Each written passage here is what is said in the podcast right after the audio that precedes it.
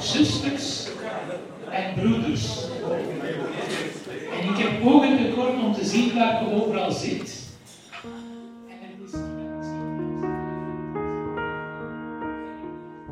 In 1997 heeft paus Johannes Paulus II de Werelddag voor het Godgewijde leven ingevoerd, met de bedoeling het religieuze leven meer onder de aandacht te brengen.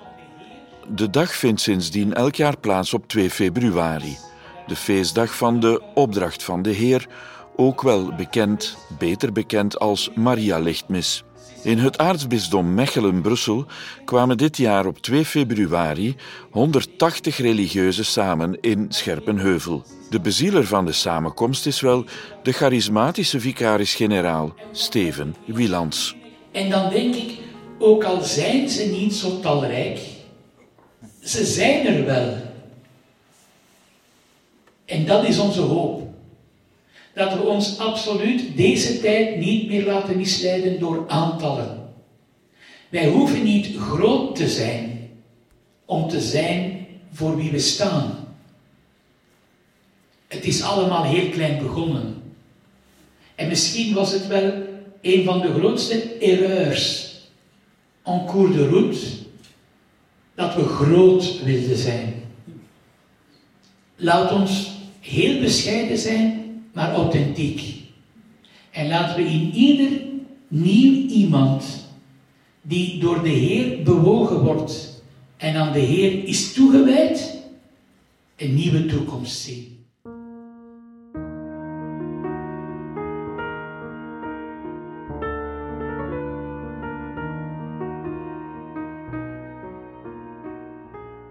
Wel, het is vandaag 2 februari en wereldwijd in de kerk is dat de dag waar er bijzondere aandacht gaat naar de Godgewijden. Dus overal in de kerk viert men vandaag met de Godgewijden op een of andere manier, naar aanleiding van het feest van Lichtmis, de ontmoeting van eh, Maria, Jozef en het pasgeboren kind in de tempel van Jeruzalem. En de traditie in de kerk is dat die dag wordt toegewijd aan het Godgewijde leven. Waarschijnlijk omdat uh, het feest van lichtmis heeft ook in een oude traditie de naam van ontmoeting. En religieuzen hebben in hun leven heel veel mensen ontmoet. En door de ontmoeting met mensen hebben zij ook de ontmoeting met de Heer voor die mensen mogelijk gemaakt. Ik vind het een bijzonder, uh, bijzonder mooie gelegenheid om naar aanleiding van dit feest ook de Godgewijden, hè, die ook mensgewijd waren, hè, die mens toegewijd waren, om die vandaag toch eens in de kijker te zetten. We doen dat met een ontmoeting vooral ontmoeting. Uh, en dat doet veel mensen, veel van onze religieuzen ook deugd. Ze zien elkaar een keer terug zo. Uit hun verschillende communiteiten komen ze hier in Scherpenheuvel samen. En dat doet hen heel veel goed. Hè. Er kan niet genoeg koffie gedronken worden vandaag om bij te vertellen over alle verhalen van het voorbije jaar. Want het is sinds vorig jaar, en ik hoop dat het een traditie blijft voor ons bisdom, dat we de mensen hier in Scherpenheuvel dus samenbrengen. Straks gaan we samen Eucharistie vieren. De aartsbisschop komt daarvoor naar Scherpenheuvel. Dat is ook belangrijk, vind ik, dat hij het teken geeft van waardering van hier aanwezig te zijn. En dan, naar goede volkse traditie, eten wij samen in het huis van Maria deze namiddag pannenkoeken. Zoals het echt hoort, want het is lichtmissen. Nu komt die kerk net terug, hè. Is dat waar? Dat is toch lief, hè? Waar kan ze snoepjes vinden? Roos. Roos. Waar is er nog een snoepjeswinkel? Ja. Veronique. Veronique. Hier een beetje verder. Yes. Dat is het nieuws. Dat is het nieuws. Geef nu eens van die. Voor de moment. Ze zijn van Valmier. Hier snoepjes. Je kunt daar eens kijken, maar als het praten en het zijn verschillende accenten die we vandaag bijzonder willen leggen. En uh, ik ben altijd blij dat de mensen daar met volle teugen van genieten. Uh, dus uh, in die zin is het een vreugdevolle, blije dag. Ja. U zei daarnet, we hebben misschien te lang erop geïnsisteerd van groot te zijn, talrijk te zijn. Ja, ik denk dat dat in de kerk een, een, een, een beetje een, een, tussen aanhalingstekens, altijd een ambitie is geweest. Van groot en talrijk te zijn. Dat zijn we vandaag niet meer. We kunnen dat cijfermatig vaststellen. We kunnen daar statistieken over maken. Maar uiteindelijk gaat dat daar, want die statistieken die tonen dan maar één ding. in, in dalende lijn zijn. Toen ik zeven jaar geleden op een nogal onverwachte manier voor het Nederlandstalig deel van het aartsbisdom de verantwoordelijkheid kreeg als vicaris voor uh, het godgewijde leven, waren wij nog met 604 diocesane religieuzen. In ons aartsbisdom, Nederlandstalig, zijn dat vrouwelijke religieuzen, alle 604.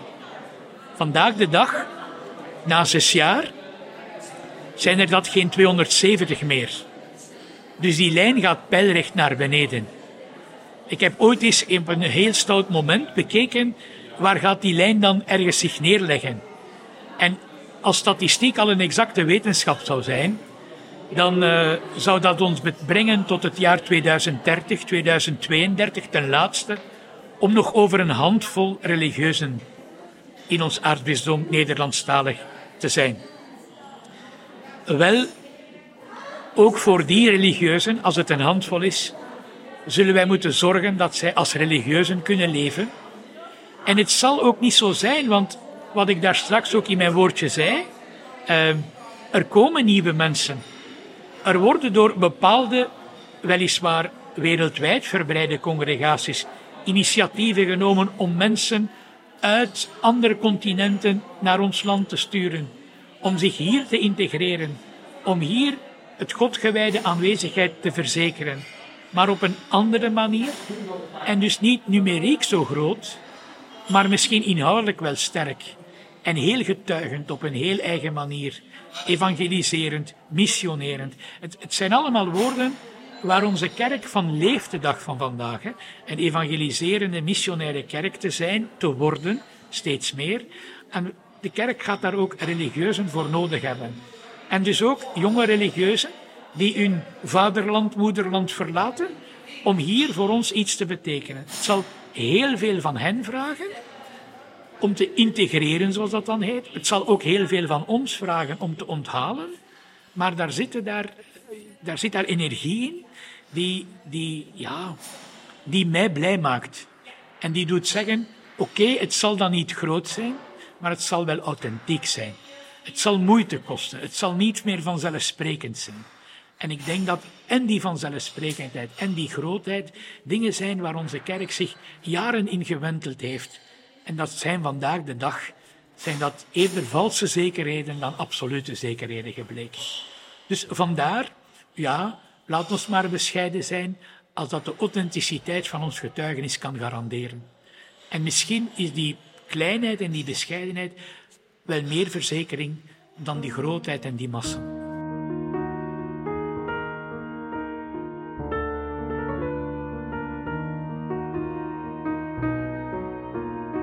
Wel, ik uh, ben er graag bij als religieuzen samenkomen, omdat we toch allemaal verbonden zijn. Uh, het gaat over het Godgewijde leven. En uh, uiteindelijk draait het om God in ons leven.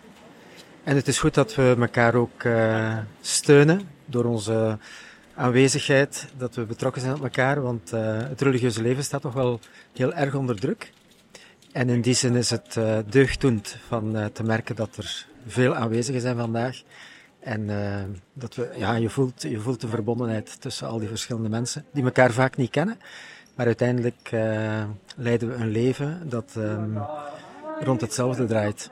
En dan uh, is het deugdend om, om hier te zijn. Door het feit dat wij met zoveel allemaal ouder aan het worden zijn, komen wij in groep veel gemakkelijker samen.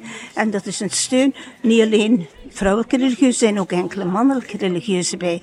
En jaarlijks vind ik dat een heel belangrijk punt dat dat kan, dat we zo samenkomen om dat te vieren eigenlijk. Hè. Ja, en men heeft dan nood om elkaar terug meer te zien. Hè. En degenen die overzees werken, dat zijn even goed uh, serieuze krachten geweest als nu. Want als je moest hier bij elkaar brengen, wat hier allemaal bij me mensen aanwezig zijn, wat die in hun leven allemaal een inzet gehad hebben. En veel nog vrijwilligersdienst, zoals dat in de tijd was. Is eigenlijk uh, een dubbel feestdag. Hè. Het is uh, een feest van de opdracht van de Heer in de tempel. Dus volgens Joods gebruik werd, uh, werd Jezus door zijn ouders naar de tempel gebracht om, om aan God opgedragen te worden. En dat is dan verbonden ook met, met het kloosterleven en mensen die dus ook hun leven als het ware aan God opdragen. Um, en in dienst ook zetten van, van de kerk en de samenleving. Dus dat is eigenlijk de link met de dag van vandaag. Um, en wat dat dan voor mijzelf betekent, ja. Um, iedere dag is eigenlijk een zelfgave. Ergens kun je zeggen dat geldt niet alleen voor kloosterlingen en dat geldt voor iedere christen. Is het een roeping om zichzelf te geven? Dat kan ook in het huwelijk, dat kan ook elders.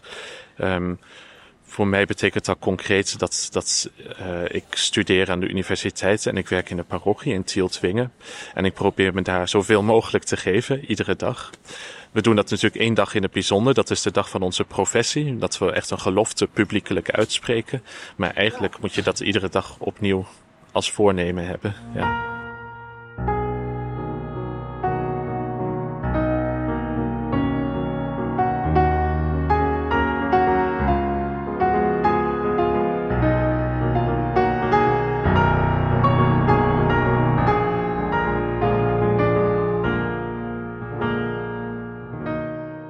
We gaan naar een andere kerk. En zoals dat vaak is in de geschiedenis van de kerk, zijn religieuzen daarin voortrekkers. Bereiden zij nieuwe dingen voor, zijn zij laboratoria. Ik merk dat ook, hè. heel veel congregaties die met minder, stellen, met minder aantal zijn, stellen zich de vraag hoe kunnen wij toch ons charisma, onze eigenheid verder zetten. Betrekken daar tussen aanhalingstekens andere gedoopte mensen bij. Eh, die we soms leken noemen, maar die wel met evenzeer, evenveel enthousiasme dat charisma uitdragen. Op een nieuwe manier. En dus in die zin kan het religieuze leven ook een beetje de, de baarmoeder zijn van het nieuw leven, om het zo te zeggen. En uh, ik blijf daarin, misschien naïef, men mag het mij zo aanrekenen, maar ik blijf daarin zeer hoopvol. Omdat ik ervan overtuigd ben, als optimisme een morele noodzaak is, dan is hoop een christelijke noodzaak en verplichting. Het leven van Jezus is voor ons heel belangrijk en het aan God gegeven zijn. Dus wij zijn ook zo aan God gegeven. Dat is voor mij de uitleg. Dat, dat Christus, dat zijn licht over ons mag komen. Heel belangrijk. Licht mis, licht. C'est important pour vous? oui, c'est important pour moi. Pour, ça m'aide ça me rappelle à prendre conscience de ma vocation. Et pourquoi je me suis fait religieuse, qu'est-ce que je dois améliorer dans ma vie, et qu'est-ce que je dois encore, qu'est-ce que je dois intensifier. C'est ça. Il y a encore beaucoup à améliorer ah, Tous les jours, hein, je dois faire, je dois faire l'effort tous les jours pour améliorer quelque chose.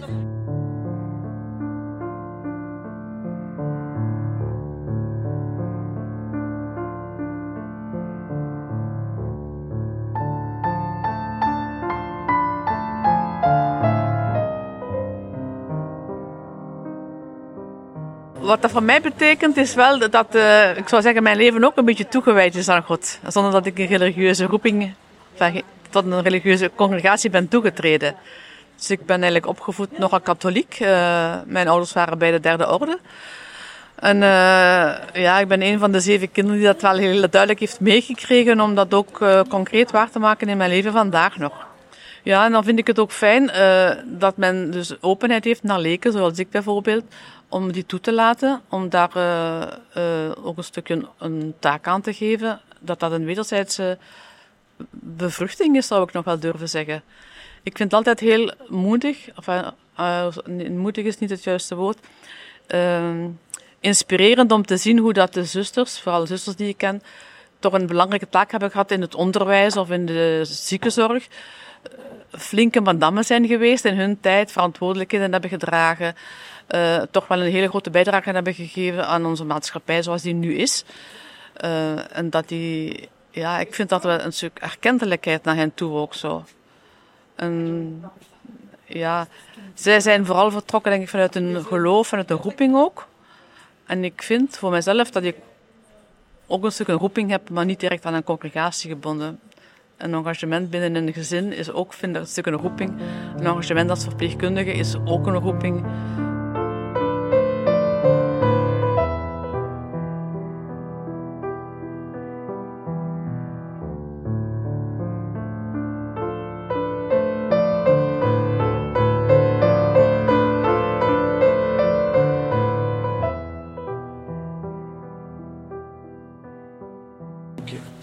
U een kazuifel klaar. Dank je. Als je wilt. Ja, graag. We zijn een beetje vroeg, denk ik, hè? Wacht, ik heb alle tijd nog. hè. Ja. Ja, dat is een goed. interview doen als dat moet? Maar ik wacht op de aartsbisschop. Die komt, ja, die is meestal... Net op tijd. Ja. ik laat u al al liever dan dat invullen, dan heb ik het niet gedaan.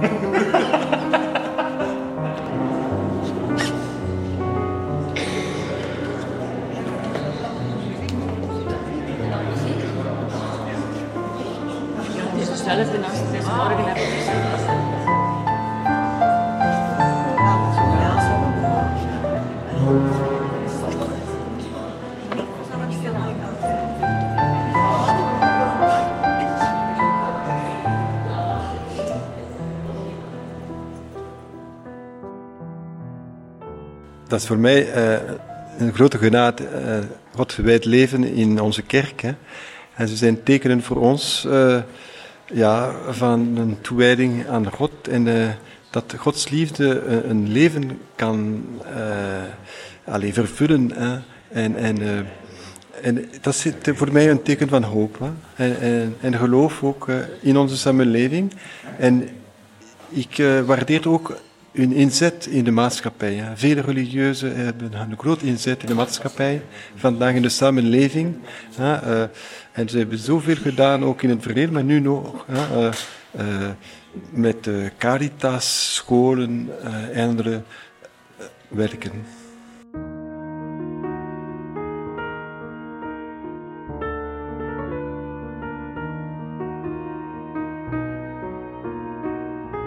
Een mens zou zich kunnen afvragen in deze tijden, waar is God? God is eh, in de ontmoeting van mensen. Vandaar dat de religieuzen de aanwezigheid van God ook altijd op een of andere manier verzekerd hebben. Dat, dat behoorde tot de kern van hun leven. Om vanuit eh, eigenlijk drie eenvoudige evangelische raden, dus geankerd en geworteld in het evangelie, ervoor te zorgen dat God op een bijzondere manier bij de mensen aanwezig komt. In de diocesane congregaties waar we vanuit het vicariaat een bijzondere zorg aan hebben besteed en zullen blijven besteden, heeft zich dat getoond in zorg voor kinderen, zorg voor opvoeding, zorgen voor zieke mensen, zorgen voor ouder wordende mensen.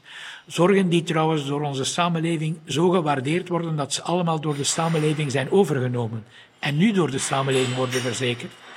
Maar we mogen niet vergeten dat op veel van die vlakken onze religieuzen baanbrekers en brekers zijn geweest, pioniers zijn geweest. En dat de, dat de samenleving daar vandaag ja, niet op zichzelf prat op moet gaan, maar ook een stukje dankbaar mag blijven voor de founding mothers en de founding fathers van die initiatieven. En in die ontmoetingen tussen mensen lees ik heel vaak eh, naar het hoofdstuk uit het Matthäus-evangelie, waar de leerlingen zich afvroegen, maar waar hebben wij u gezien? Wanneer hebben wij dat voor u gedaan? En Jezus antwoordt dan zelf, ja, wanneer je iets voor de mensen hebt gedaan. Wanneer je de minste nabij bent geweest. Wanneer je voor hen bent, wanneer je de gevangenen hebt bezocht, wanneer je de zieken hebt bezocht, wanneer je de doden hebt begraven. Dan heb je dat allemaal voor mij gedaan. En dus in die zin denk ik dat, de, dat waar is God? Hè? De vraag, waar is God vandaag? Is hij in de oorlog? Ja, hij is in de oorlog. Maar aan de kant van de slachtoffers, aan de kant van de mensen die voor de slachtoffers werken. Vraagt hij die oorlog? Nee, hij vraagt die oorlog niet. Er zijn een paar waanzinnige mensen, als ik het zo mag zeggen, die oorlog vragen en denken daarmee de mensheid te dienen. De meerderheid van de mensen denkt daar heel anders over. Maar in die zin is dat de minder mooie kracht van de kleine groep die gaat bepalen wat. Maar ik geloof dat God aanwezig is daar waar mensen het beste voor elkaar betekenen en het beste voor elkaar over hebben. Dus daar is God. En onze samenleving is misschien te vaak gefocust op de dingen die niet goed gaan. En daarin verduistert God. Want God is aanwezig in die dingen die wel goed gaan en die er ook zijn en die wel gewaardeerd worden, maar die vaak ongezien worden.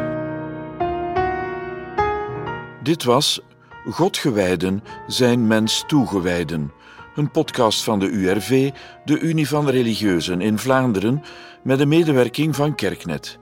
Fijn dat u heeft geluisterd.